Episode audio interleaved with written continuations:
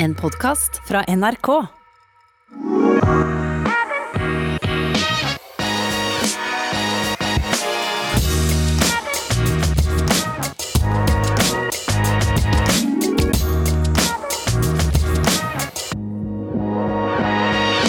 Vi er tilbake med en ny episode. Velkommen til I det lange løp. Jeg er Jan Post, og i dag skal vi snakke litt om det å planlegge økter.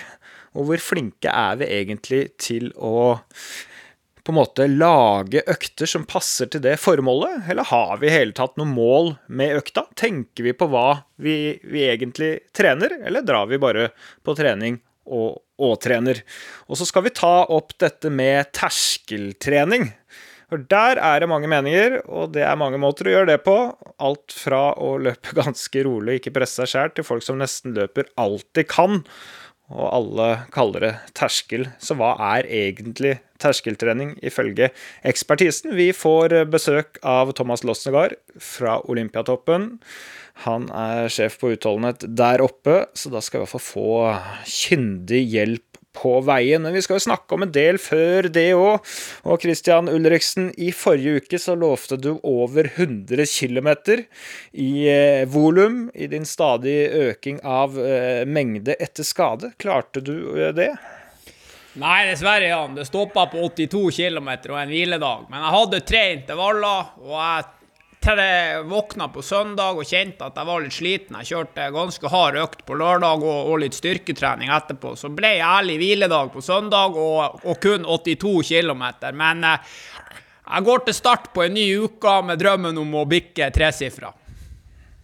ja, det er bra. Jeg klarte det, da. Jeg var oppe i 110, og det er det meste jeg har løpt på ja, jeg vet ikke hvor lenge. Sikkert et år.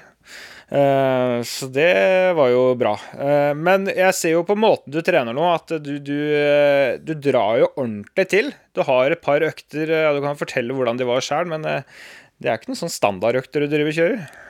Nei, nå har vi jo vært feiltrent i en, jeg skulle si, i en lang OL-periode, i en fire-fem år der. Vi sprang jo maraton på 2,25 i, i noen Adiosco i 2016. Så når vi da kom oss på 2,21 i 2019, så var vi jo blitt fire minutter bedre, og, og fire minutter på den der farta med nye sko, det er jo det er jo ca. like god. da. Så jeg har trent i tre år uten å bli bedre, så nå tenkte jeg at nå må vi eh, hive alle forstå-seg-på-erne på veien, og så må vi begynne å gjøre det vi har trua på sjøl. Så eh, nå er vi vår egen trener, og da blir opplegget deretter. Ja, og hva har du da trua på som din egen trener?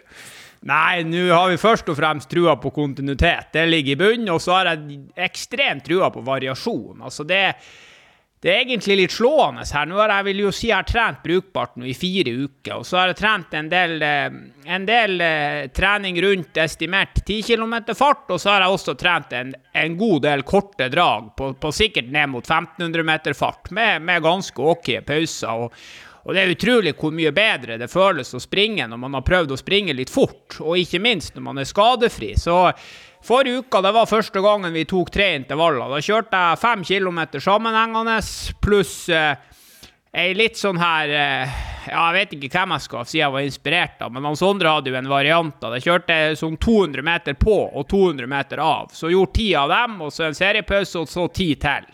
Så da gikk det rundt 33-34 på 200-meterne på, og rundt 65 i pausen. Og 65 sekunder på 200 meter, det er jo ja, det er jo svært rolig jogg. Så du kan egentlig si 200 meter i, god fart, 1500 meter fart, og så eh, 200 meter jogg.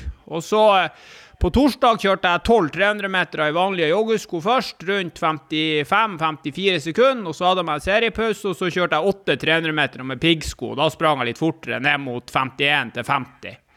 Og så på lørdagen så eh, tok jeg meg en, en, sånn variasjon her. Ført, kjørte først litt i bakke, og så noen korte stigningsløp. Og så har jeg jo tidligere kjørt eh, 1000 meter ganske fort. Så bestemte jeg meg nå for å, for å kjøre 2000 meter, og det var jo betydelig medvind. men... Eh, Åpna første 1000 på, på 2,53 på flat asfalt og litt nedoverbakke, og så tre blank på den andre 1000-meteren. Der er det litt oppover. Men eh, det var ganske bra medvind. Jeg vil jo kanskje ikke si 10 sekunder på kilometeren, men eh, det kan fort ha vært fem. Og så kjørte jeg 1 kilometer på, på 3,06, som føltes litt eh, bedre, og så smalt jeg til med 500 meter, nesten alt jeg hadde, og da sprang jeg på 1,20. det er liksom sånn all out-trening. det skal løpes fort, hardt og brutalt. Det er ganske langt unna det som ga deg 2,21 på maraton, iallfall. Ja, nå trener jeg jo såpass lite, vil jeg jo si også, at jeg har prøvd å gjøre litt andre ting. Og så har jeg prøvd å kjøre de øktene ganske progressivt. Sånn som den der økta på tirsdagen når jeg springer fem kilometer sammenhengende først, så er det rett i underkant av fire blankfart med, med litt tunge treningssko. Så du kan jo kanskje si at det var Det føltes ut som terskeltrening på fire blank. Og så Går selvfølgelig en par av de der piggskoøktene litt fortere, men, men, når du har 90 sekunder sånn gå- og joggepause på, på en 300-meter, så kan du også springe ganske fort på de 300-meterne uten at det føles ut som du springer alt du har. Så, så får vi se litt. Denne uka er planen å, å, å skru litt til igjen og, og ta ei økt her nå på tirsdag og noen 2000-metere der vi skal springe betydelig saktere og kanskje sånn, sånn god gammeldags sone 3-trening med god kontroll. Så får vi se litt hva vi bestemmer oss for inn mot helga. Ja. Nei, men Du har ditt opplegg, og du føler at kroppen responderer. Jeg er jo som kjent litt eh, mer konservativ i måten jeg trener på, men eh, jeg har jo gått så langt å, å kjøpe meg piggsko nå. Så jeg er jo inne på noen sånne små doser av det du eh, driver med. Eh, og det er at jeg har bygd meg opp på en rolig økt på tirsdager nå, hvor jeg løper noen drag i 150 meter i piggsko i, i medvind. Starta med tre første uka, andre uka var jeg oppe i fem. Og så har jeg løpt en økt med 10 ganger 1000, eh, hvor jeg også har kjørt eh, seks ganger ett minutt. Dette, dette, har vært på mølla eh, i, i, tre blankfart, eh, med et halvt minutt pause bare. Så jeg får litt større fart på to kilometer etter å ha kjørt 10 ganger 1000. De 10 ganger 1000 ganske kontrollert. Eh, så jeg har gjort noen små grep, så jeg får litt mengde litt høyere fart uten at jeg løper meg dønn, dønn sti, da. Men jeg må si at det var litt morsomt å ta på seg piggsko for første gang på ja, det må jo være over 20 år siden jeg har hatt på meg piggsko. Og bare blåse litt ut av, uh, av svingen i, i, god medvind uh, bort på Jessheim her.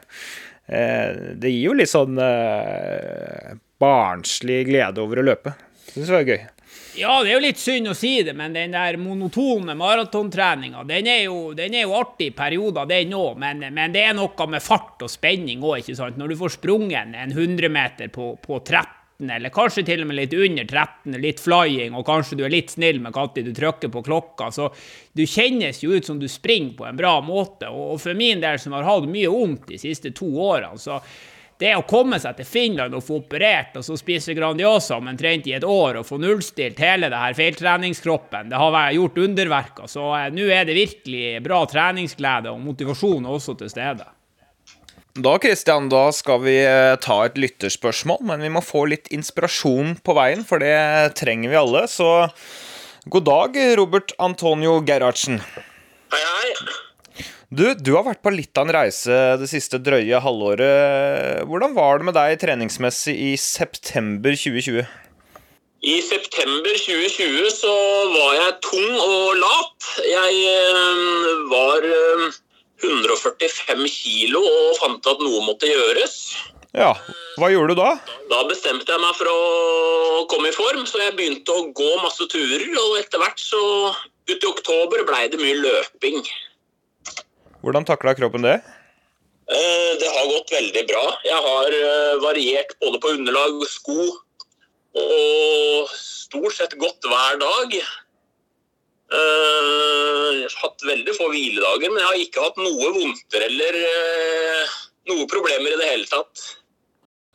Hvordan var den forandringen for deg fra å gå til å trene lite til å trene så mye? Hva har gjort at du har liksom klart å, å stå i det? Det er uh, jernhard vilje. Det er Jeg har to kids. Jeg har fått tid på ettermiddagene til å i og med at det har vært litt korona, og sånn, så har det vært lite aktivitet for barna. Da har jeg hatt litt tid til meg sjøl. Og så har vi vært en sosial gjeng som begynte å gå noen turer, og så gikk jeg ekstraturer utenom. Så Tjukkasgjengen i Drammen har også bidratt på det sosiale. Og Hva er situasjonen i dag? Hvordan går det med deg? Du, Det går veldig fint. Nå løper jeg, kommer jeg vel til å ende på ca. 300 km nå i april. Jeg løper 10 km under 45 minutter, og jeg løper uh, halvmaraton. Har jeg som mål å komme ned på 1,40 nå før sommeren.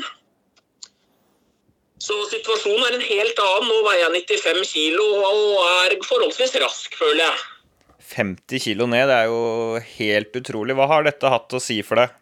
Nei, det er jo Alt er jo lettere, da. Lettere hverdag. Føler meg Føler meg litt bedre. Man kan jo si det sånn. Eh, si har det hatt noe å si mentalt? Ja, det hjelper jo på selvtillit og sånn, og det er jo både sånn på, på det hverdagslige, da. Alt går lettere. Du, så det er jo ikke noe tvil om at det har litt å si på det psykiske også. Det har det. Hva er ditt uh, tips til de som har lyst til å komme i gang? Det er bare å bestemme seg for å gjøre det og starte rolig og ikke gi opp. Så det er, eh, man må kjøre på både kosthold og trening. Begge deler er viktig. Er helt fantastisk det du har fått til. Det må jeg si er enormt imponerende og, og veldig motiverende. Vi håper at du sprer litt inspirasjon, med at du får lov til å fortelle kort om din reise her. Men du hadde et spørsmål du også til, til Christian, som kanskje kan hjelpe deg litt videre når du skal ut og løpe konkurranse, var det? Ja, nå har jeg jo løpt noen halvmaraton på egen hånd i det siste. Og det jeg lurer på nå, er jo hvordan man skal lade opp liksom siste eller to siste ukene i forkant av en halvmaraton. Hva er lurt å gjøre, og hvor mye hvile trenger man, og hvor langt kan man løpe rett i forkant av en halvmaraton? Ja, det var litt av et uh, lytterspørsmål. Uh, fremfor alt, Christian, det, det er imponerende det han forteller her. Ja, det der var faktisk på kanten til rørende. At det er mulig å ta seg så sinnssykt sammen på såpass kort tid. Det er, det er både fascinerende, og så er det jo godt å høre òg. Det viser jo at det er muligheter, bare man har lyst til å komme seg opp om morgenen og ut av døra. Og så skal jeg se om jeg en vakker torsdag får huka tak i han karen her nede i Drammen og får slått av med en prat, for han hørtes jo ut som en trivelig fyr òg. Ja, og han, eh, han, sendte meg en melding eh, ikke så lenge etter dette her om at han hadde satt ny personlig rekord på halvmaraton. Jeg, jeg, tror det var 1.34-1.35 han hadde løpt, så han er i, i, stadig framgang, eh, Robert Antonio. Så det er bra. Men vi må gi han svar. Siste uka og hvordan man lader opp til en halvmaraton, har du noen formeninger om det? Nei, det er jo sånn siste uka for et løp som, som skal vare for hans del i ca. 1 12 time, så vil jeg jo si at det aller viktigste det er jo å ha både fysisk og mentalt overskudd. Så, så man må passe på at den siste harde treningsøkta den, den kan ikke være noe tettere enn sju dager, og, og, kanskje helst ti dager før løpet. Og så må man eh, kjøre litt korte turer, helst holde oppe treningsrytmen, men kanskje trene litt mindre i tid. Så i stedet for å være ute en time, så holder det kanskje med, med 30 minutter og noe stigningsløp. Og så kan man kjøre jeg har brukt å kjøre siste sånne lett intervall på tirsdag hvis løpet er på, på søndag, de gangene vi har reist litt og løpt. Og, og da har jeg ofte kjørt en sånn tre-fire ganger 2000 meter, bitte litt saktere enn det som er estimert maratonfart, liksom bare for å få litt følelsen på det. Men, men den tøffeste økta må, vil jeg kanskje anbefale en, en ti dager før konkurransen, sånn at man er virkelig sikker på at man får restituert seg. Ja, jeg er veldig enig med deg. Sju til ti dager før uh, siste ordentlig hardøkt, godt volum, godt innslag av halvmaraton fart. Jeg vil ikke anbefale en sånn konkret økt, men, men, det finner man litt ut av sjæl ut fra hvilket man, eh, nei, nivå man er på. Og så opprettholde treningsrytmen, men kutte litt ned på de korte, rolige turene, så man får litt ekstra overskudd. Og så en, en, en siste intervall som eh, intervalløkt som ikke har så voldsomt volum, og som er ganske kontrollert. Skal vi si tre til fem dager før, da. Det kommer litt an på hva som gjør ellers i livet, og om man skal reise og det ene og det andre. Men eh, men noe sånt, da går det ikke helt gærent, i hvert fall. Nei, jeg tror de aller fleste de bommer på to ting. Det ene er at den siste hardøkta den kommer for tett inn på konkurransen, og det andre er at man, man blir litt for grådig på treninga. Man, man, undervurderer at en halvmaraton det er for veldig mange et langt løp, og disponeringa skal være riktig, og man skal helst føle seg veldig bra i hvert fall i 10 km, og jeg skulle gjerne si 15 km. For, for, det er utrolig hvor fort du kan springe på slutten av en halvmaraton bare du er, er, liksom, er pigg og har gjort jobben, og ikke åpner for hardt. Apropos det å ta seg sammen. Jeg kom over en annen eh, kar her som har tatt seg sammen i livet. Aleksander Sorokin heter han, er fra Litauen, er det vel. Um, han uh, var 30 år da, i, i, 2012. Da hadde han røykt drikket for mye, spist for mye mat. Veide 100 kilo. Drev og padla en gang før tidlig i livet, men hadde latt det skure og gå en, en, god stund uten trening. Så i april 2012 så begynte han å løpe. Da var han altså 30 år. Nå nylig satte han verdensrekord på 150 km, på 100 miles og 12 timer i det samme løpet. Nå jobber han som dealer på et kasino. Det går litt sånn dårlig nå i koronatider, så han får litt ekstra tid til å trene da. Den jobben var jo lagt ned.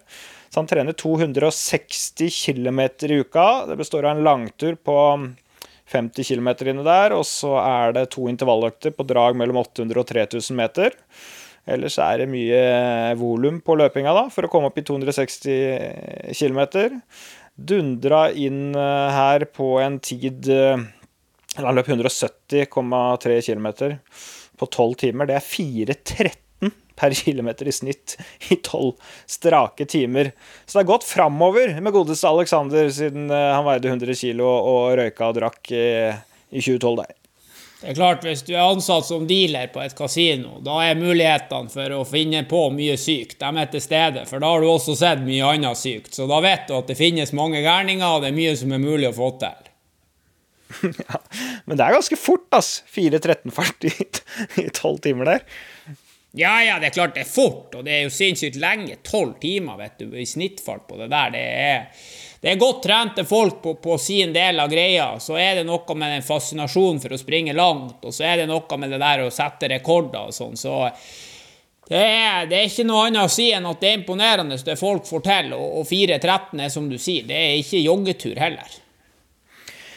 Noen starter seint å løpe, andre starter tidlig. Sondre Strande Omland. Eh, han er eh, nå 14 år, men var 13 år i forrige uke. Dagen før han fylte 14 år, så løp han et treningsløp, et testløp, oppe i løypa her på Sand mellom Jessheim og Gardermoen. Klokka inn på 15.16, og det var jo godt under gjeldende eh, bestenotering i verden for 13-åringer på 5 km. Tenk å være 13 år og løpe 15.16. Det er ganske rått.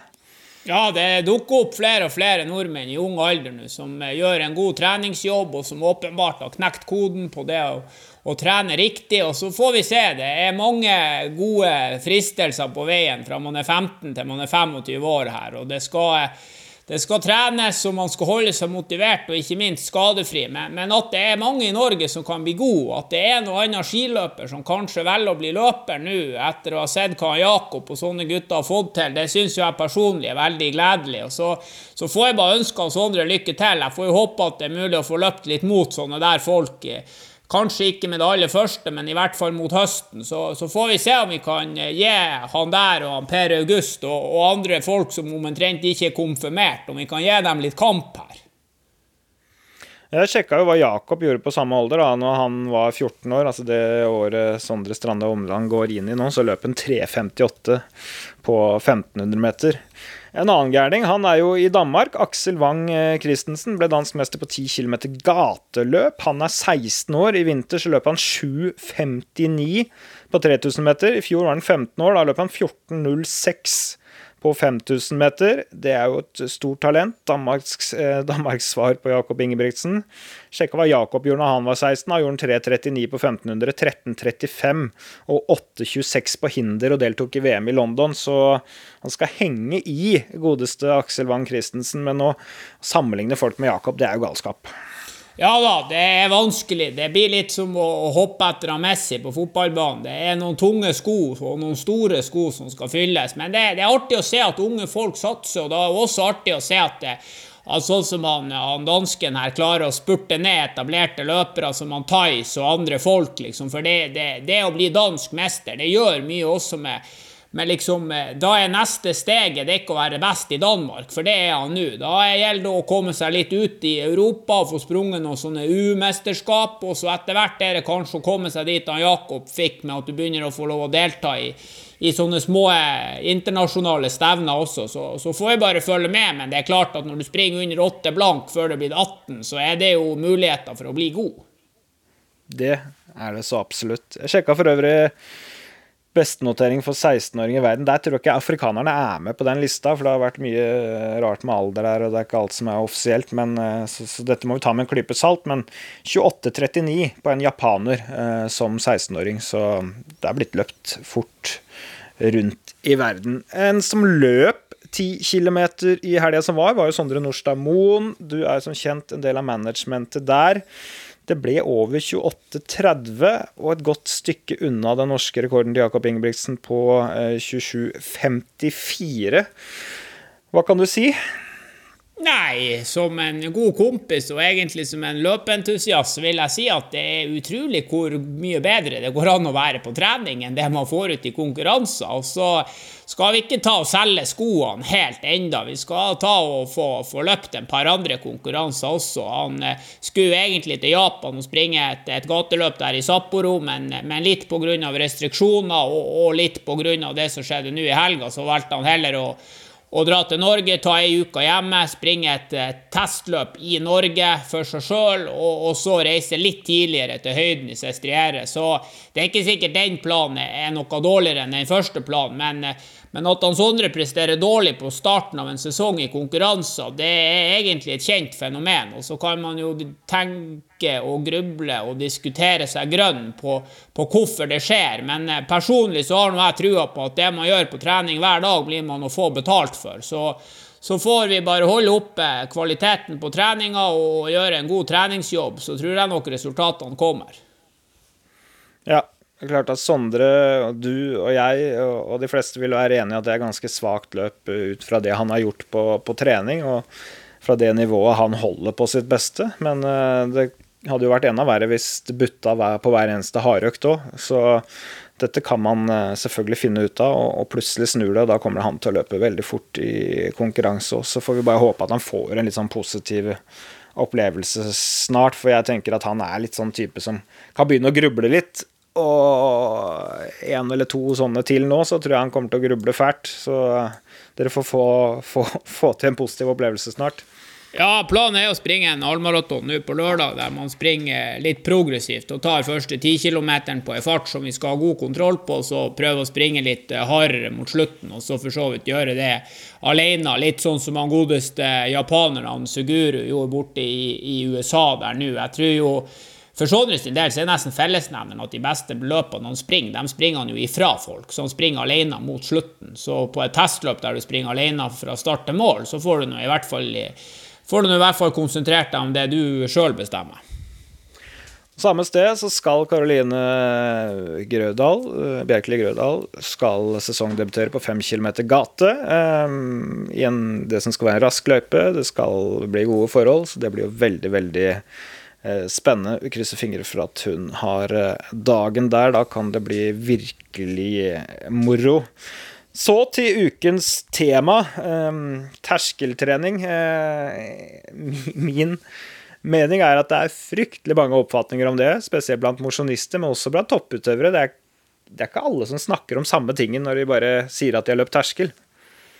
Nei, jeg tror det blir det, det begrepet som flest bruker bare for å, å, si noe om hva de gjør. Og så tror jeg vi, vi alle er enige om at eh, innad i begrepet så ligger det utrolig mange forskjellige tolkninger. Men, men personlig så syns jeg at man bare skal gjøre det veldig enkelt. Og så er det den tida du har sprunget på i en konkurranse på halvmaraton. Hvis det er terskelfarta di den dagen, så er det nå bare å legge på en par sekunder på kilometeren litt saktere, så springer du stort sett i, i ei fart som er sånn at du ikke binder opp for mye syre. Så skal man løpe mye kortere drag, i mye høyere fart enn det, uten å løpe seg stiv, fordi at man løper kortere drag og har litt pause. Hva er det, da? Og så det ene med det andre. Det andre du skal ta opp, er at det er mange som spør meg om, om, om, jeg har noen gode økter på bane, eller om jeg har noen gode økter for ditt og har noen gode økter for datt. Det er jo ikke noe problem å, å, gi folk økter, men hva er det egentlig de skal trene til, og hva er det de skal bli bedre på? og kan jo bare sette opp en haug med tall uh, og sette opp en økt, men uh, jeg vet jo ikke helt uh, da hva, hva, de ønsker å trene og bli bedre på. og der tenker jeg at det er en del mosjonister som har litt å gå på, da. Ja, det er jeg jo helt enig med deg i. Formålet med treninga må man jo på en måte bli enig om før man drar ut og trener. Og hvis du skal springe ei kontrollert økt som, som skal gi deg en en form for, for trening som, som, ikke skal binde laktat, og som skal gjøre at du får restituert fort, så er det bare å, å, skru Hvis du skal springe lange drag, så må du springe litt saktere, og hvis du springer kortere drag, så kan du springe litt fortere. Men det, det er iallfall greit å, å, tenke over hva man skal trene i dag, og om man skal trene på det samme hele tiden, og veldig like type hardøkt, eller man skal variere. Det bør man ha bevisst forhold til. Så jeg tenkte rett og slett at vi skulle snakke med en av de som virkelig har greie på det eh, i Olympiatoppene, og som eh, styrer på også på Norges idrettshøyskole. Hva, hva, tenker de som har forsket eh, mye på, på, dette med terskeltrening, og hvilke råd har de når man skal sy sammen økter og, og, og sette opp et opplegg?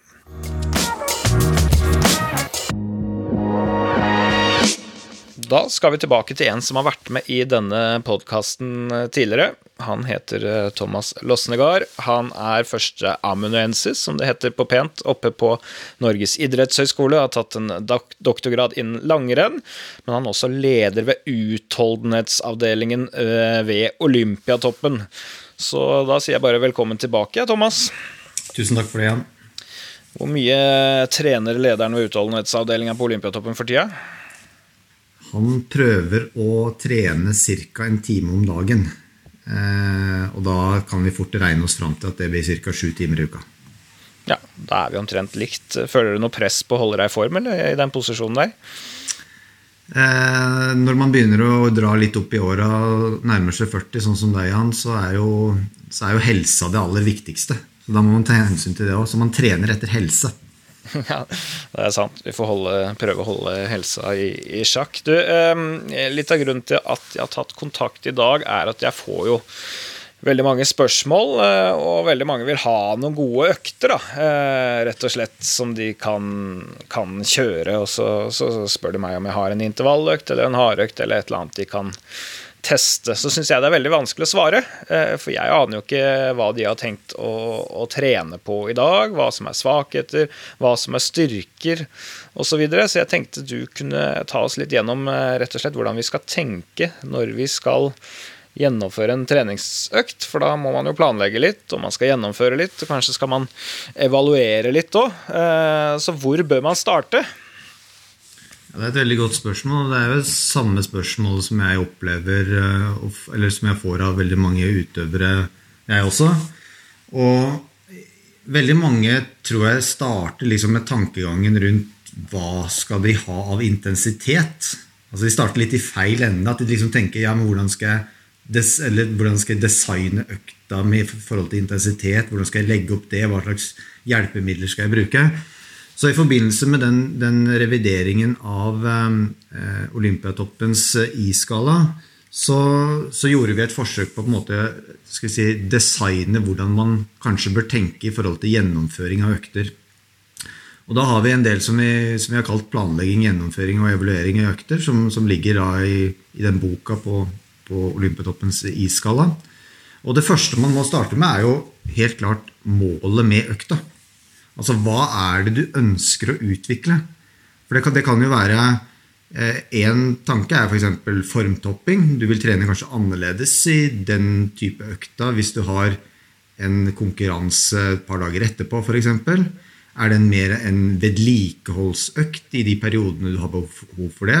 Eller er det en, en utviklingsøkt, der du ønsker å utvikle fysiske, tekniske, taktiske eh, egenskaper?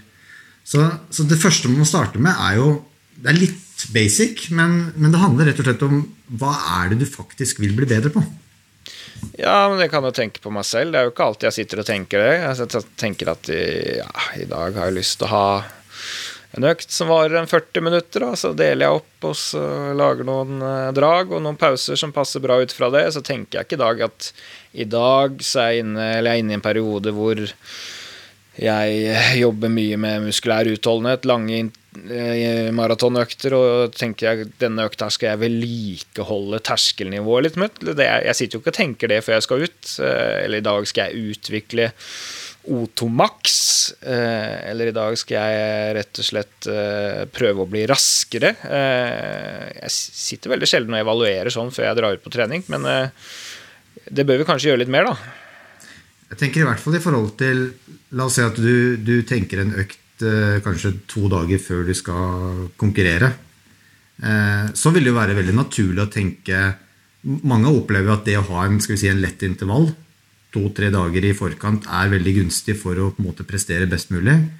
Og noen presterer jo faktisk også best eh, hvis de har trent litt på morgenen og har et kveldsevent, som det ofte f.eks. er i friidrett. At man da føler seg bedre. Men det er klart at den økta som du gjennomfører da, vil jo nødvendigvis ikke gå helt i kjelleren. Så du vil jo starte med en, med en tanke rundt ok, hvordan skal jeg Eh, gjennomføre denne økta best mulig, sånn at jeg skal prestere best mulig om seks timer eller to dager. Og Det er kanskje den viktigste på en måte, ja, at Man starter iallfall med, med målsettinga.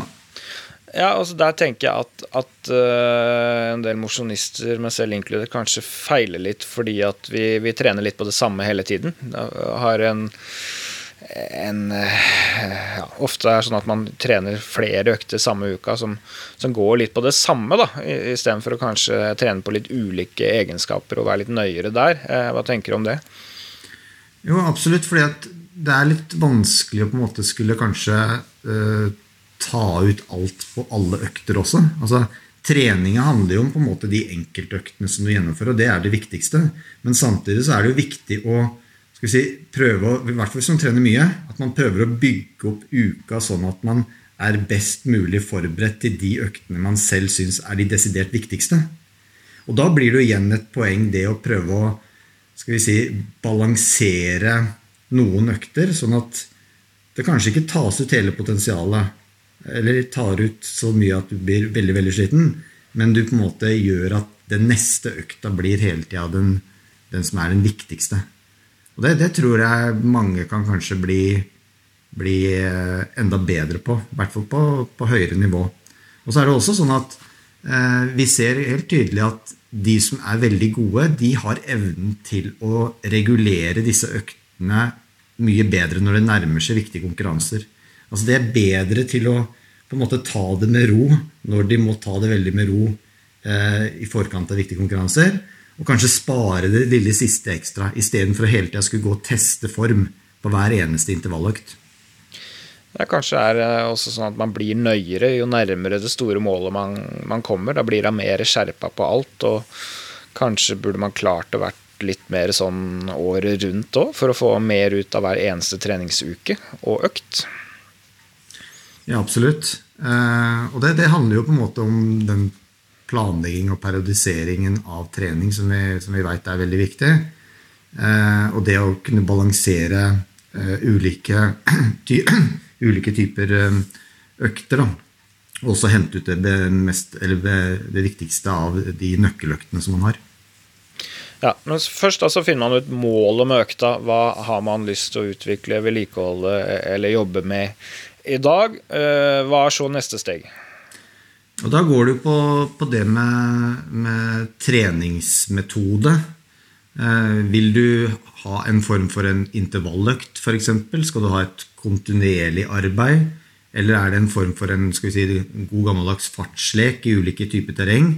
Og også selvfølgelig eh, spørsmål rundt bevegelsesform. For Skal du ha veldig høy intensitet, og du ønsker stor varighet på høy intensitet, så vil jo intervalltrening være det beste eh, alternativet. Altså En typisk i sone 4, i sone 5, så vil jo intervalltrening gjøre at du får et større volum på det.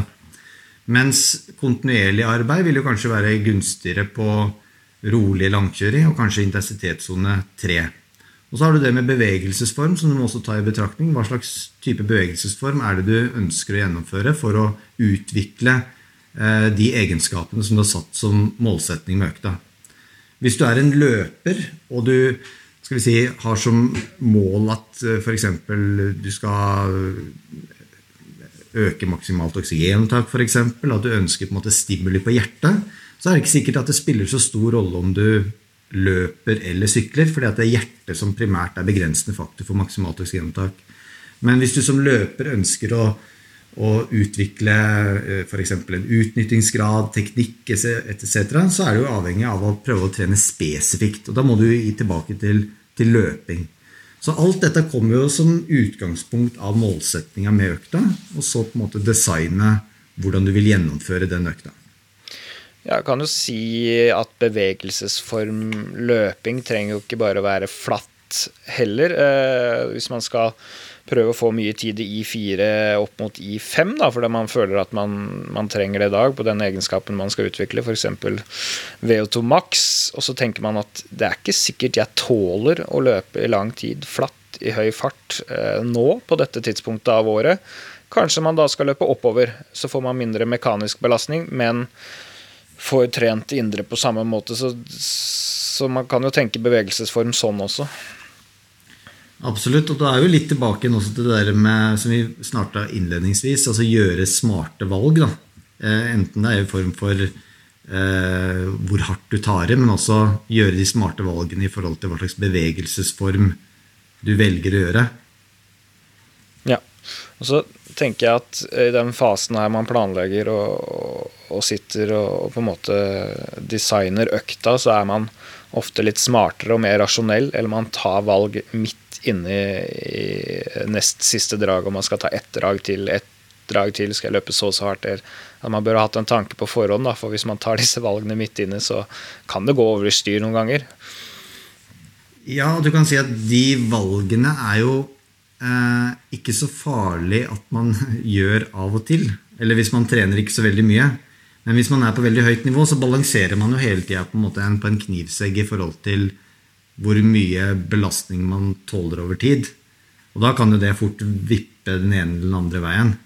Så for mosjonistene så, så, gjør det jo på en måte ikke noe nødvendigvis å skal vi si, I dag så føler man seg litt bedre, så da kjører jeg et drag til. Men jo mer du trener, jo mer eh, skal si, påpasselig må det være med på en måte totalbelastninga. Det er kanskje lettere å tenke på dagen etter og to dager etterpå ved, ved skrivebordet enn uh, ute i marka av og til. uh, ja, uh, bevegelsesform, om man skal løpe kontinuerlig, intervall osv. Så, videre, så kanskje man velger at man skal ha en intervall, da, og så tenker man skal jeg ha korte drag, lange drag, hva slags pauser osv. Hva, bør, hva bør man tenke ut fra hva man har valgt? Altså det, er, det er jo tre ting som er viktig for treningsbelastningen. Altså du ønsker jo en viss treningsbelastning av den økta ut ifra den målsettinga som du har satt. Og da er det jo tre ting, og det er jo da varigheten, altså hvor lenge du holder på, hvor hardt du holder på, og frekvensen på f.eks. antall drag. Så i prinsippet da så vil det jo være varighet, hvis du kjører intervalltrening, da, så vil det jo være hvor lange dragene er, eh, hvor høy intensitet du har på dragene, og hvor mange av de dragene du har, det vil utgjøre treningsbelastningen. Og Det vil jo i prinsippet si at eh, på en intensitetssone 3 så kan du ha en veldig høy treningsbelastning, men da blir varigheten lang fordi intensiteten er noe lavere enn f.eks. på en intensitet 4, der du har noe lavere eh, eller kortere varighet og noe høyere intensitet. Så i teorien så skal de to øktene kanskje kunne gi den samme treningsbelastningen, i hvert fall sentralt i systemet, men kanskje gir de litt ulikt eh, stress på f.eks. muskulaturen. Så, så, fase tre i den, den, det leddet her, det er på en måte å designe skal vi si, gode økter.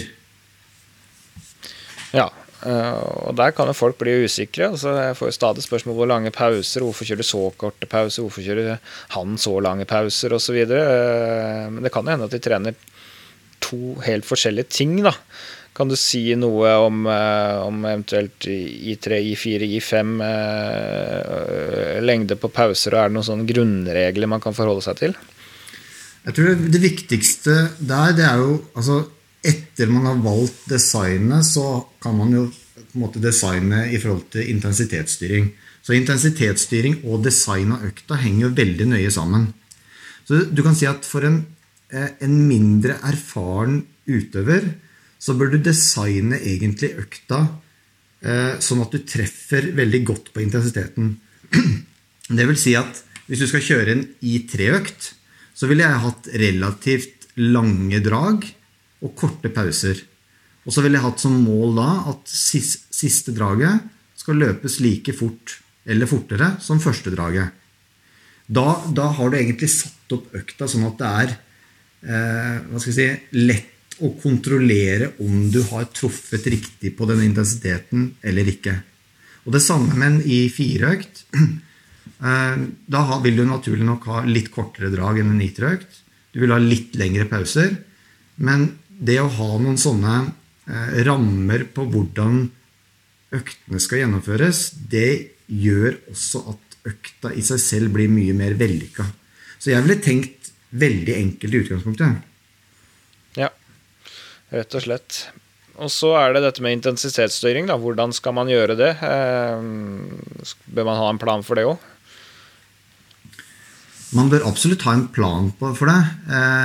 Eh, men så er det sånn med intensitetsstyring at det er eh, et ganske komplisert egentlig system vi har. Altså i forhold til kroppen vår. Så, så, det å igjen prøve å tenke enkelhet rundt intensitetsstyring, det tror jeg er veldig viktig.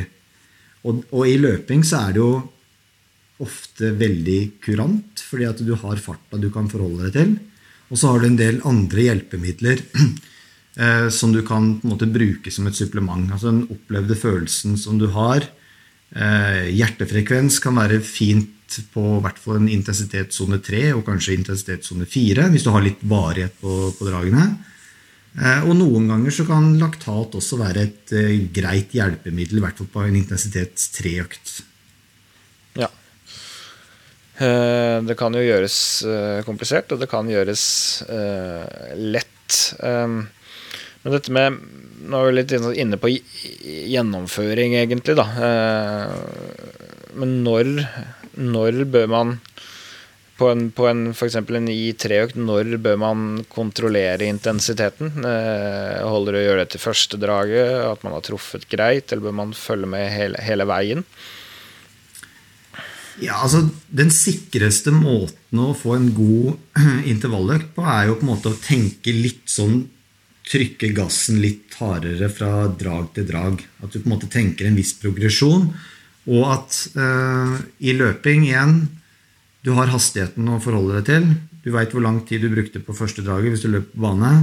Det å tenke at du skal ha litt reduksjon på tiden per eneste drag, kan være en måte å, å ha en god, vellykka økt på.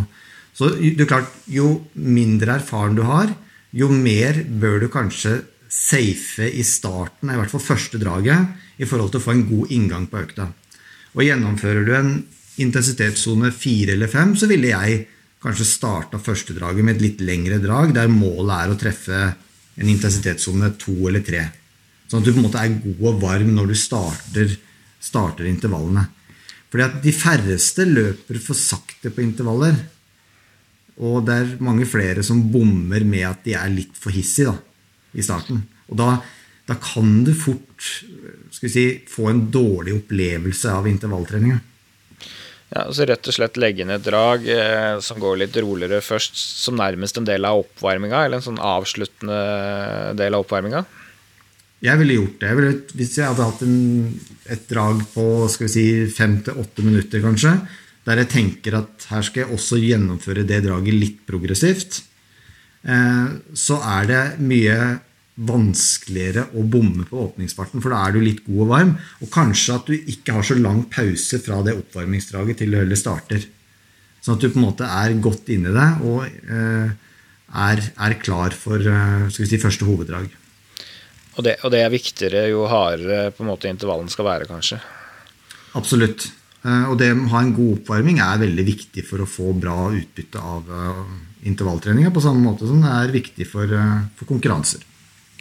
Jeg har fått en del spørsmål i, i det siste, fordi at jeg har jo vært, og flere av oss er en på en måte en forkjemper for det å løpe litt kontrollert inn i intervallene. Kanskje øke farten ørlite underveis, og så være i stand til å løpe raskest på, på slutten.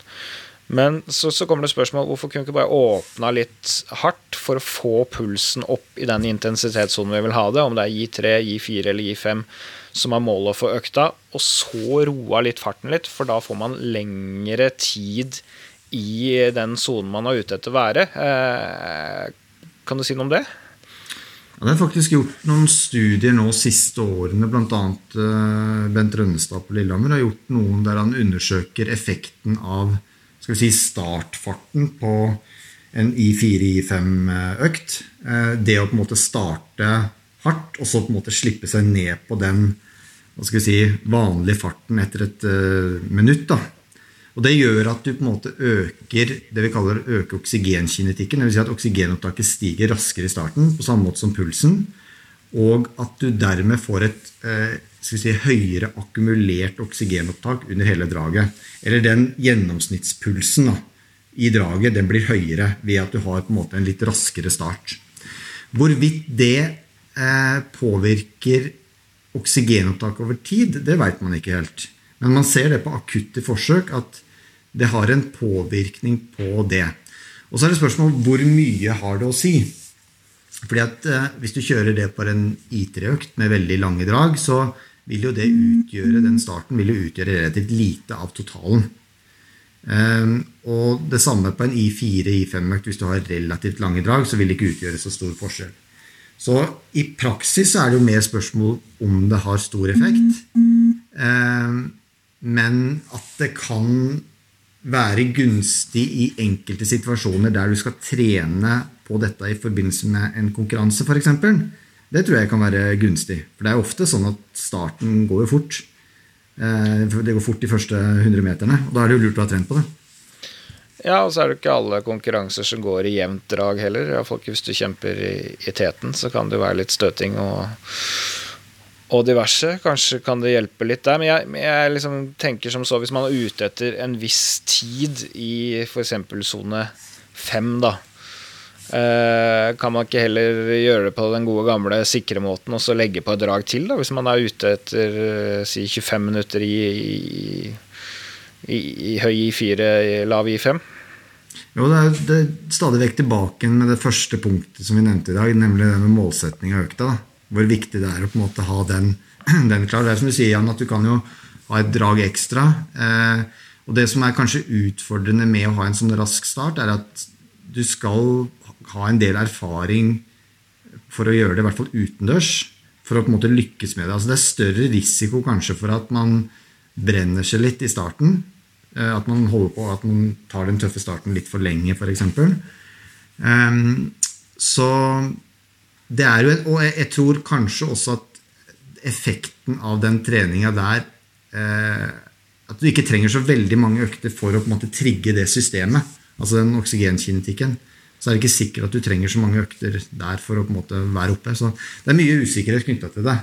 Men det å gjøre ting enkelt, som vi sa i stad, det, det er iallfall det jeg troa på. Altså det å gjøre ting ordentlig og enkelt. Ja, og så er det spørsmålet hvor man ender opp ved å kjøre på den måten. Ender man opp i like høy hastighet, eller er det sånn at man eh, drar på seg ut underveis, så avslutningshastigheten blir litt lavere enn den ville gjort på den andre måten? Har det noe å si? Ja, det, det er jo det kan være litt vanskelig å svare på hvordan akkurat den vil utvikle seg i den, den økta. Men igjen så tror jeg det viktige er igjen Eh, varighet og intensitet, de to sammen. Altså det å kunne balansere de to variablene for å på en måte oppnå den treningsbelastningen som du har. Og det vi snakker om nå, er jo egentlig eh, jeg vil si, ganske detaljer i det store og hele. Og det er ikke det som på en måte bør utgjøre hovedingrediensene i, eh, i planlegginga. Det bør på en måte være den basis, solide øktdesignet og, og god gjennomføring av økter.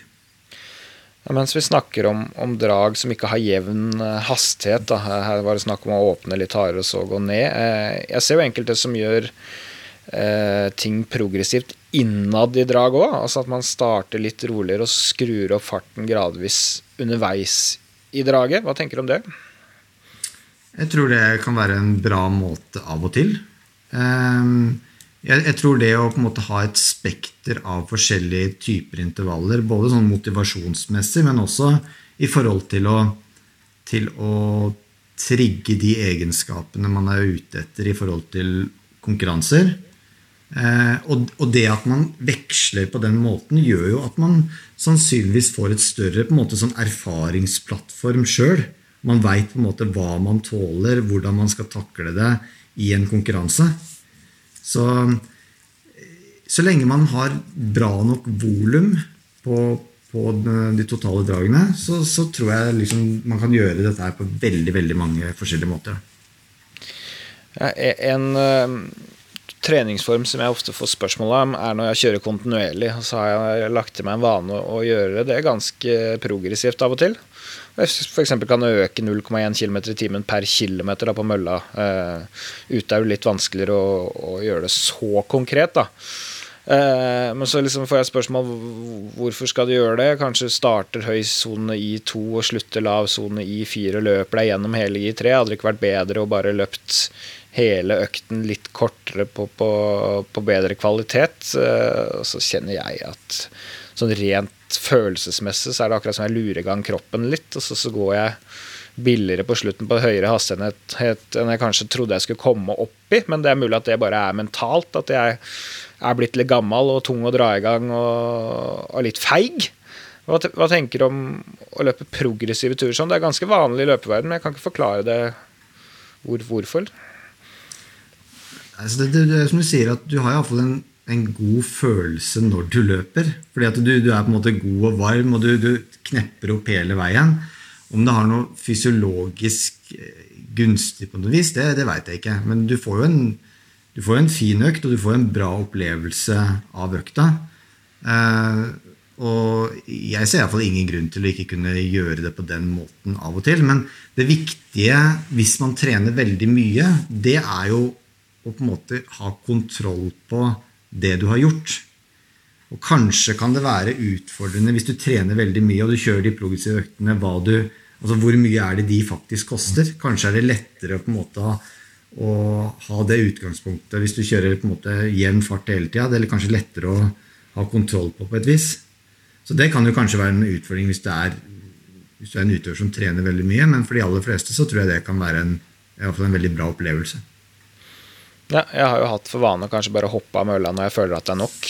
Når jeg er nok sliten. Men eh, den avgjørelsen kan jo bli litt verre hvis jeg ser at nå kan jeg løpe lenger enn i forrige uke, eller det beste jeg gjorde for en måned siden, eller i dag føler jeg meg ikke helt på hugget mentalt, men fysisk går det greit. Men jeg er lei, liksom, så hopper jeg av før jeg skal. Altså, det er jo en del sånne vurderinger som kanskje er litt vanskelig å gjøre der og da òg.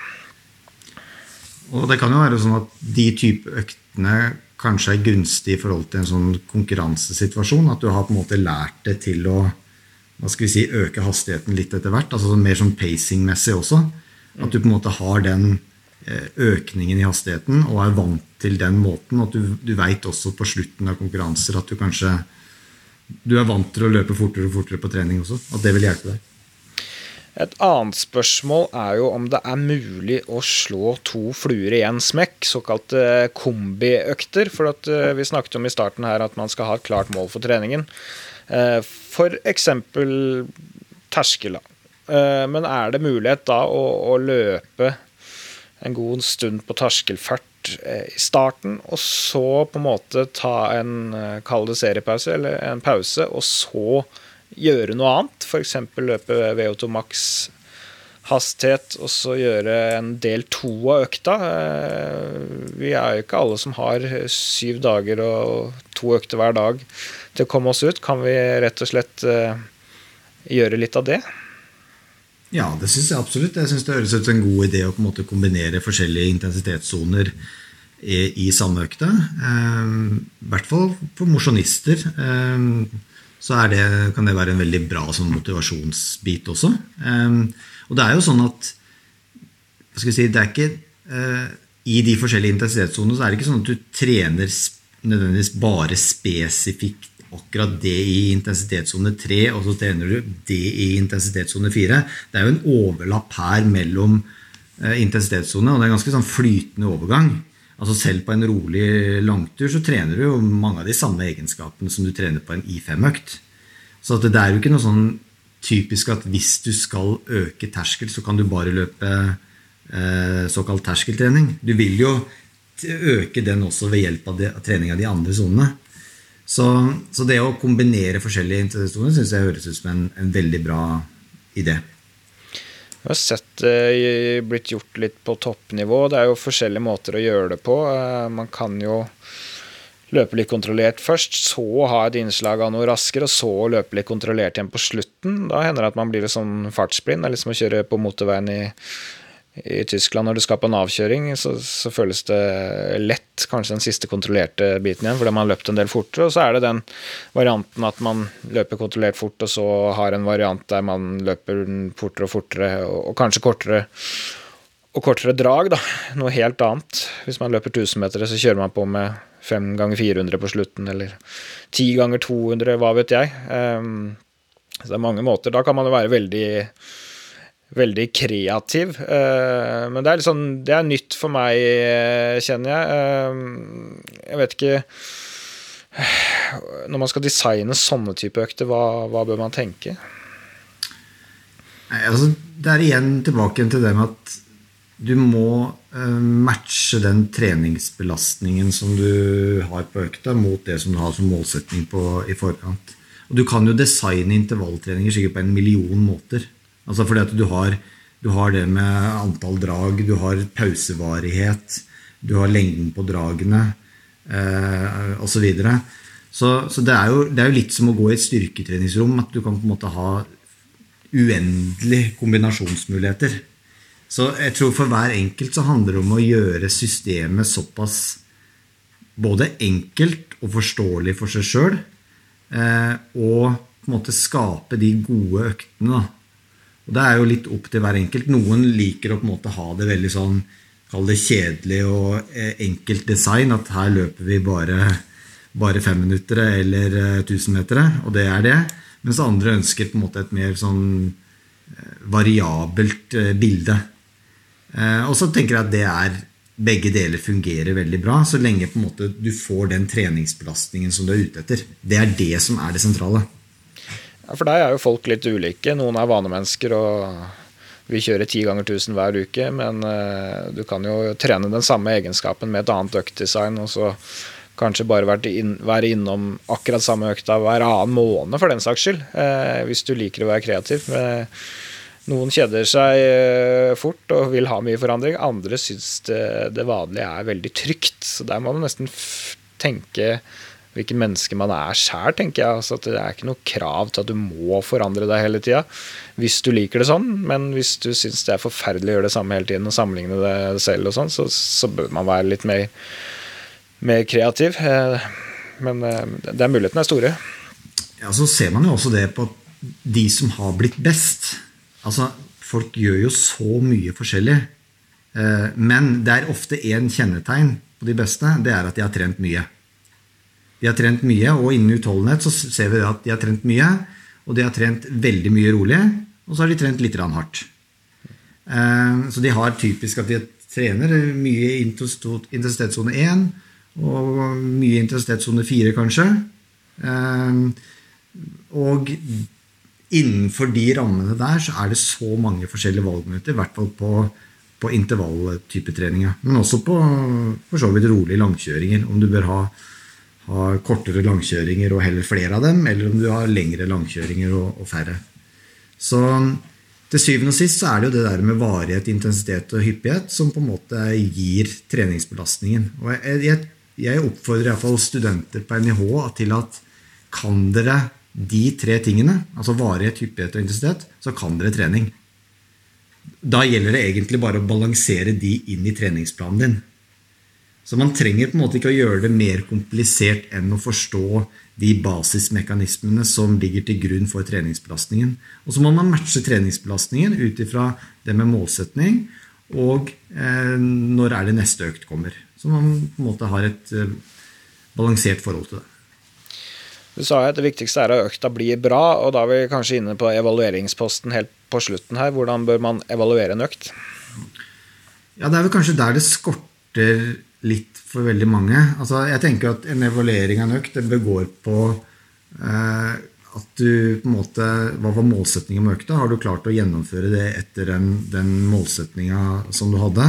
I forhold til intensitet, f.eks. Traff du på riktig intensitet? Eh, jeg får ofte spørsmål av studenter eller studenter når jeg har dem på, på treningslære på NIH, de, de, sier ofte at etter de har kjørt en intervalløkt, så kan de det. Altså, Hvorfor skal vi kjøre den intervalløkta flere ganger? For den, den, kjørte vi jo forrige uke. Men etter mitt, eh, min erfaring så, så, lærer jeg alltid noe. Hver eneste intervalløkt så lærer jeg alltid et eller annet som jeg tar med meg inn i neste økt. Kanskje åpner jeg for hardt. Det hender jo. Eh, kanskje burde jeg stått av siste draget, for det var ikke helt eh, der som jeg burde være. Eh, kanskje valgte jeg feil terreng, eh, osv. Og det å på en måte reflektere litt sånn kort rundt de øktene gjør jo at du blir bedre på neste økt. Og det er jo det som på en måte må være hele tida målsettinga. Ikke bare fysisk bli bedre, men bli rett og slett trene seg opp til å trene bedre. Klarer vi det, så, så kan man forvente at uh, ting går bedre. Det handler om å optimalisere selve økta. Det alltid kan være noen detaljer man kan forbedre seg på, eh, rett og slett. Og så får man kanskje en halv prosent bedre økt neste gang. Kontinuerlig prosess. Men du, eh, et helt annet tema, for eh, vi går videre her, og vi må snakke litt om terskel. For det snakkes altså så mye terskel rundt omkring i treningsverden, både av mosjonister og av toppidrettsutøvere. Det er liksom det store. Terskel. Så kan vi jo begynne med hva er terskel? Ja, hva er terskel? Det er et, eh, det er et godt spørsmål. Eh, tradisjonelt så har man kanskje tenkt liksom på den såkalte anarobe terskel. Det er iallfall det som på en måte har vært brukt som, som et slags terskelbegrep, eh, i hvert fall i Norge. Som på en måte har vært en slags sånn, den høyeste farten du har, en likevekt mellom produksjon og eliminasjon av melkesyre, eller et eller annet i noe i den duren. da. Eh, men nå er jo anarob terskel er jo et, egentlig et veldig feil uttrykk. For det indikerer jo at du er, måte, går fra det arobe til det anarobe. Og sånn er det jo ikke. Det er jo hele tida en miks av eh, skal vi si, arob og anarob energiomsetning når du er ute og trener. Altså Trener du i én, så har du fortsatt litt anarob energiomsetning. Og trener du i fem, så har du både arob og anarob energiomsetning. Så det, det, er litt sånn feilaktig uttrykk. da. Men, men terskel det, det, det, stammer nok ofte fra det, skal vi si, den der typiske anarobe terskelbiten som veldig få egentlig har testa. Og som er egentlig ganske utfordrende å teste hvis man skal gjøre det nøye. da. Og I tillegg så har vi et mylder av andre terskler som vi kanskje kan komme tilbake til. Ja, for neste spørsmål er øh, hvordan tester man at man er på, på terskel? Altså Den tradisjonelle måten å, å tenke sånn maximum, maximum lactate steady state, som det heter, det er at man, man løper en typisk en 30 minutter på f.eks. 12 km i timen, og så måler du da f.eks. laktat etter 5 minutter og 30 minutter. Og Da vil jo den laktaten selvfølgelig stige litt i starten, men den vil ikke øke noe særlig, eller den vil ikke øke fra 5 minutter til 30 minutter. Den er stabil. Og Så kommer du inn en ny test, ny 30 minutter-test. Eh, gjennomfører på 14 km i timen. Eh, laktaten øker litt i starten, og så måler du fra 5 til 30 f.eks. Og da er den stabil igjen. Så kommer du inn, ny 30 minutter, 16 km i timen, fortsatt stabil. Men når du kommer på 18 km i timen, så ser du at laktaten øker da fra fra 5 til 30 minutter. Så det betyr at eh, den nest siste belastningen som du hadde da, eh, på, på 16 km i timen, det er da den høyeste belastningen som du kan ha uten at måte, laktaten øker noe fra, fra 50 til 30 minutter. Og det har på en måte kanskje vært et sånt, jeg kaller det en slags gullstandard gjennom årene i forhold til å, å, å kalle det en form for en terskel. Men i praksis så er det jo egentlig veldig få som gjør dette. her. Man gjennomfører jo noen laktatprofiltester ofte i, i, treningssammenheng. Og de laktatprofiltestene kan jo være veldig bra til sånn, i forhold til å evaluere framgang, f.eks. Se hvordan ting ligger igjen. Men det gir ikke noe sånn, sånn direkte mål på terskel. For da, da må man eh, skal vi si, ha me, mer tid. ja, så føler jeg, som bare ser dette litt utenfra og ikke er så inne i det, at, at folk omtaler terskel som så mye rart. Noen sier at det er en gitt laktat, f.eks. 3, 3,5. Andre sier de også trener terskel på 2, 2,5. Noen tar en slags hvilelaktat, og så legger de på 2 eller 1,5. Andre opererer med gitt hastigheter. Jeg føler det er så mange måter å gjøre det på. Det kan umulig være det samme alle snakker om. Nei, Interessant, for det kom en artikkel for eh, to-tre år siden, en australsk artikkel som nettopp sammenligna ulike måter å, å, estimere terskel på. Og innad i samme, altså Du har 25-30 forskjellige måter å skal vi si, eh, estimere terskel. Eh, og de fant bl.a. ut at det var noen syklister. Og en syklist som sier ok, jeg har en kall det terskel på 300 watt. da der Ut ifra de metodene som de så på, så kunne den terskelen da variere fra 250 til 350 watt. Altså 100 watt forskjell ut ifra hvilken metode du, du, velger. Og Det gjør jo at når vi liksom snakker om terskel i sånt generelt, generelle termer mellom utøvere, så blir jo dette fryktelig vanskelig å forholde seg til. For hva har du i terskel, og hva har jeg i terskel? Og I praksis er, spiller det ikke så stor rolle heller. Fordi at hvis du er interessert i å kjøre en moderat hard økt, f.eks. i løping, så vil det mest praktiske egentlig være å legge seg på en, en fart som du klarer omtrent en time. Det er på en måte det enkleste å forholde seg til. Eller i sykkel, på watt eller på ski, at du har en følelse av hvor lenge klarer jeg å holde den farten her. Klarer jeg å holde en time? Ok, men da er det kanskje en passe intensitet tre-økt. Så jeg har inntrykk av at folk gjør det eh, altfor komplisert i forhold til det med terskel, og unødvendig komplisert for seg sjøl.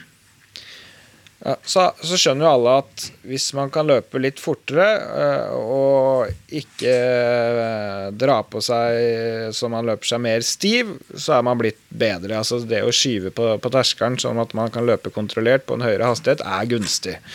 Så da er spørsmålet hvordan påvirker man terskelfarten best når man skal trene?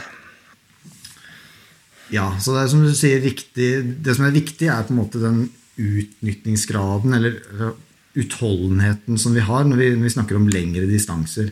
F.eks. hvis du skal løpe maraton, evnen til å ligge så tett opptil sitt maksimale oksygenopptak, den er sentral, på det spesielt i de lange varighetene. Og da er det jo egentlig to måter å utvikle det på. Det ene er jo på en måte å øke den utnyttingsgraden i seg selv. Eller man kan øke maksimalt oksygenopptak. For Hvis man øker maksimalt oksygenopptak, så vil jo kanskje utnyttingsgraden som prosent være den samme, men du vil klare likevel å ha et høyere absolutt oksygenopptak under den, den økta. Så det er, det er, liksom to måter å tenke det på. Men jeg tror det mest sentrale i forhold til å øke terskel eller utnyttingsgrad, det er spesifisitet. For det som jeg sa innledningsvis, at maksimalt oksygeninntak den er primært bestemt av hjertets pumpekapasitet. Det spiller egentlig ikke så stor rolle hvilken bevegelsesform du, du bruker eh, for å øke den. Men eh, det med terskel eller utnyttingsgrad det er mye mer eh, spesifikt knytta til muskulaturen. Og Det gjør at den spesifikke treninga, både bevegelsesform, kanskje intensitet eh, og type terreng, er kanskje veldig avgjørende i forhold til å til å utvikle akkurat den egenskapen. Ja, da kan jeg tenke på i forhold til maraton og kanskje halvmaraton for enkelte som, som, varer lenger enn den timen du snakker om. Da. Altså, hva er forbedring av terskel, og hva er rett og slett forbedring av muskulær utholdenhet? Hvis du skjønner hva jeg mener? Ja. Nei, det er litt sånn Det er alltid vanskelig å, å svare fysiologisk hva som er endringen.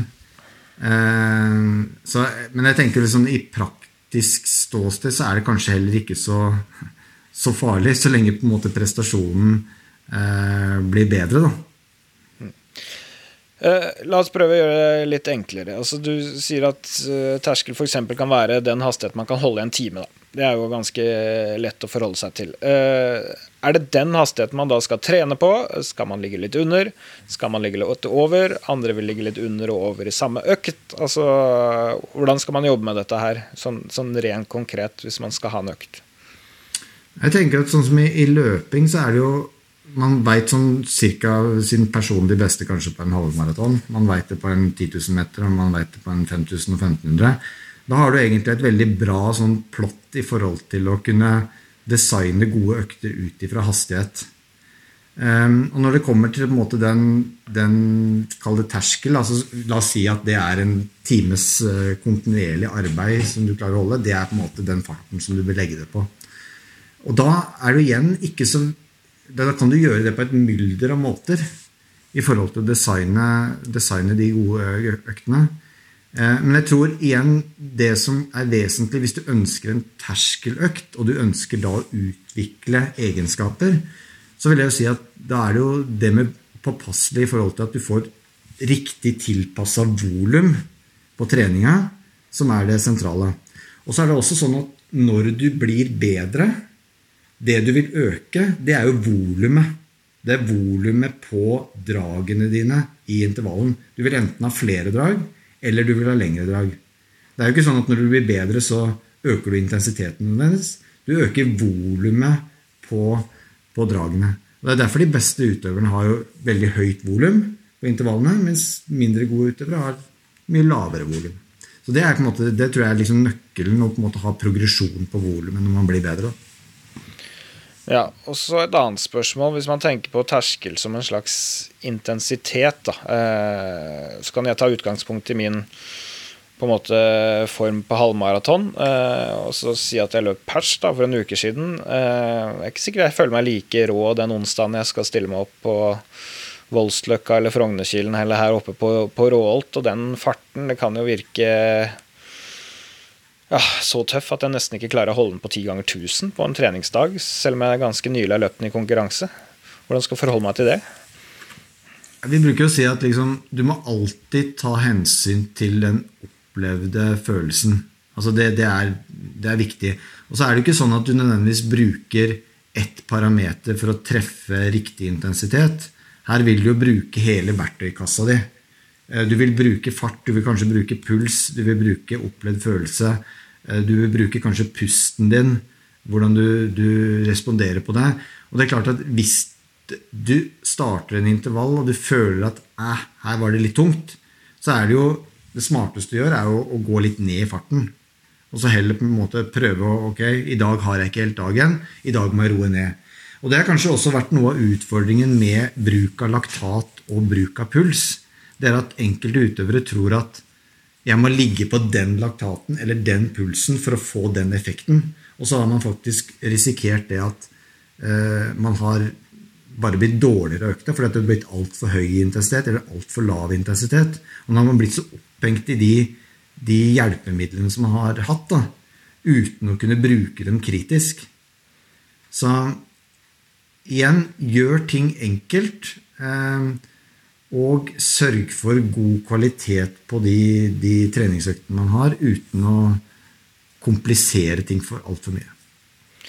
Altså, godt volum på, på, en hastighet som er i, i nærheten av terskel. Da. Uh, men hva hvis man trener f.eks. en type kortere dag? La oss si 400 meter, 20-25 stykk. Uh, da kan man jo løpe mye fortere enn denne terskelfarten, som er den farten man kan holde i en time men fortsatt holde ting kontrollert. Det kan f.eks. være rundt 5000 meter fart, 10 000 meter eh, fart, men sånn laktatmessig og pulsmessig så vil det jo ikke ligge noe høyere enn en, en såkalt terskeløkt hvor du trener denne Teams-farta.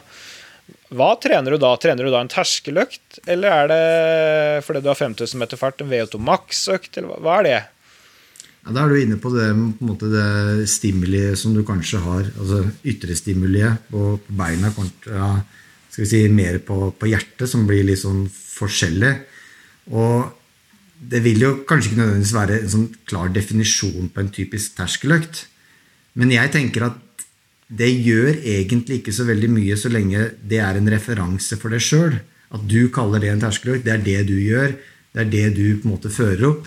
Men det blir veldig vanskelig å sammenligne utøvere. Og det blir veldig vanskelig å måte, sammenligne hva folk har gjort eh, for en, kanskje å bli god. Fordi at man definerer eh, intensitet så forskjellig. da.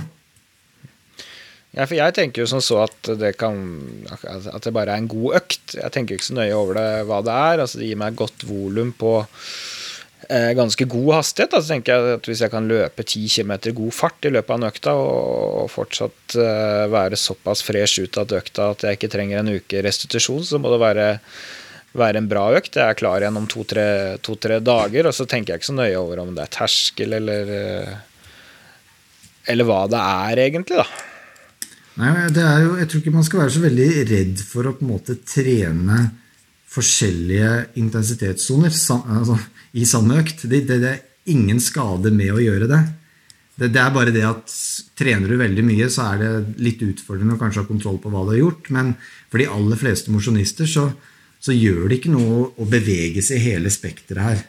Og, og er, Du bruker også å si at liksom når du er ferdig med økta, så skal du være godsliten. Du skal ikke være vondsliten. Og er du godsliten når du er ferdig med økta, uavhengig om du har kjørt så mange minutter på I3 og så mange minutter på I4, så har du på en måte fått eh, bra utbytte.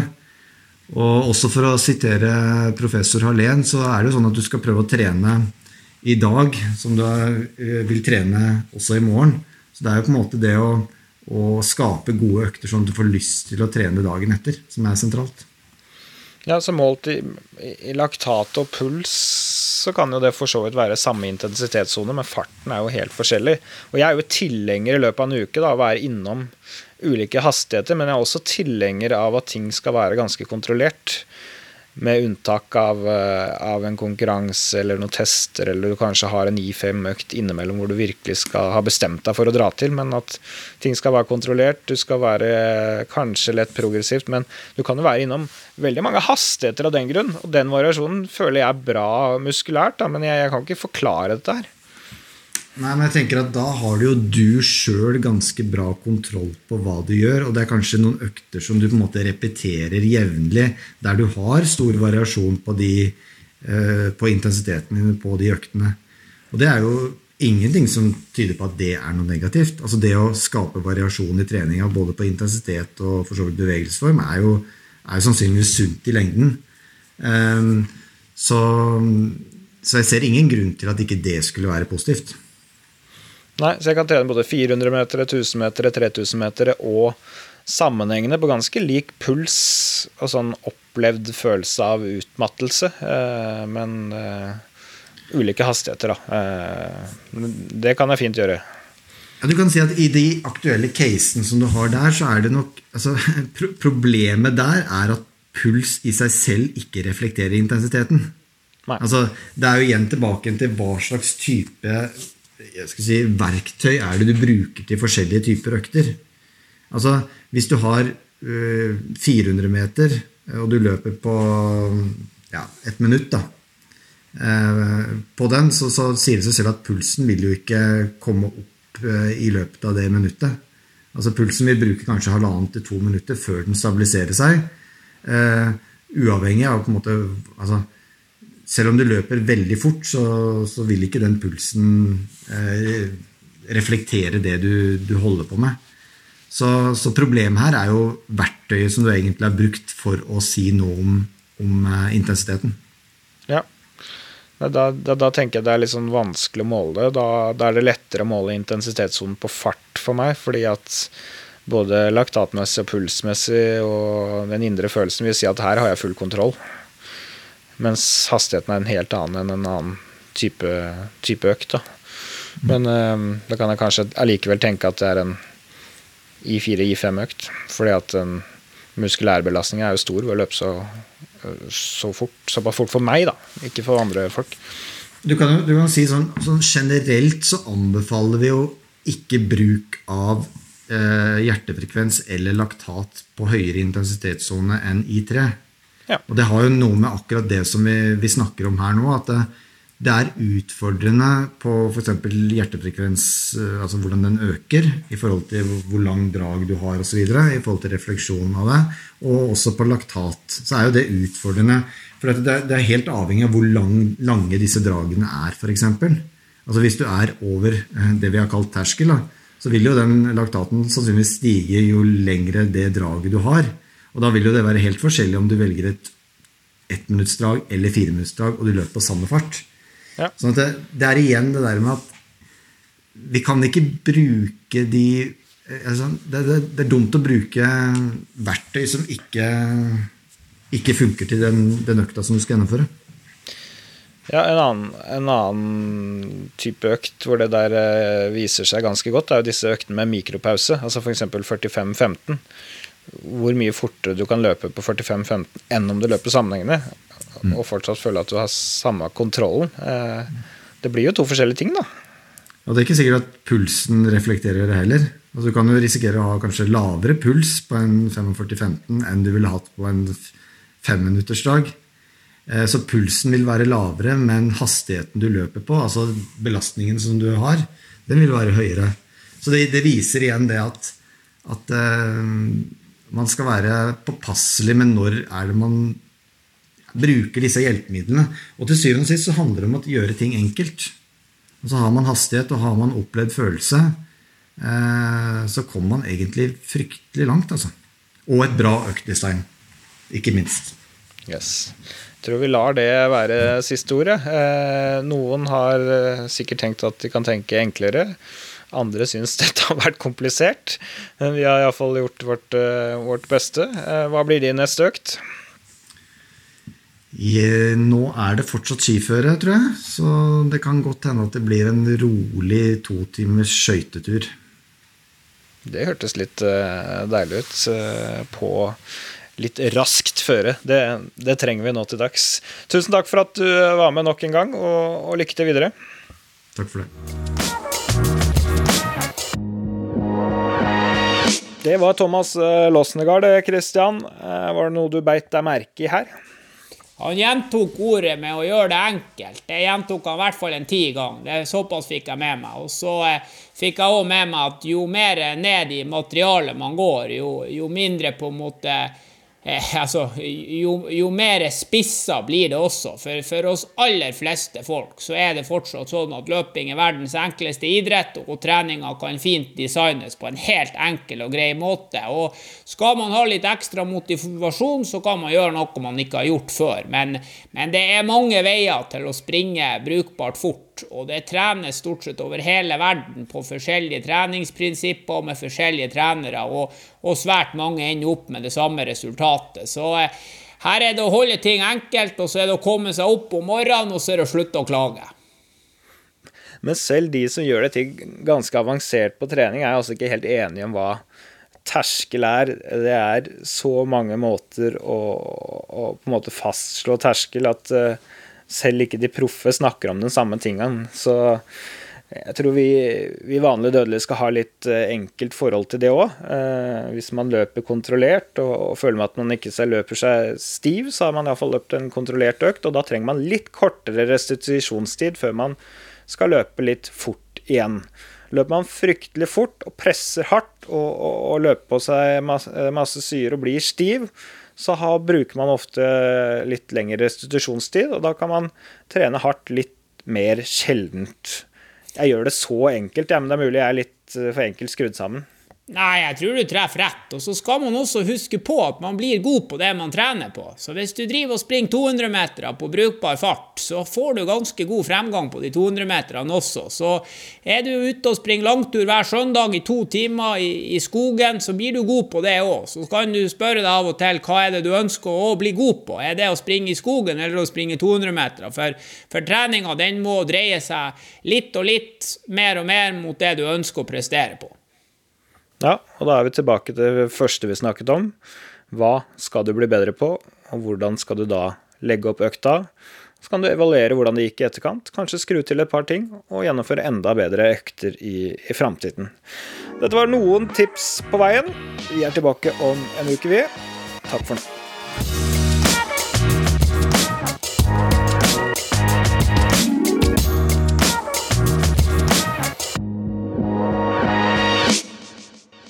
Du har hørt en podkast fra NRK. Hør flere podkaster og din NRK-kanal i appen NRK Radio.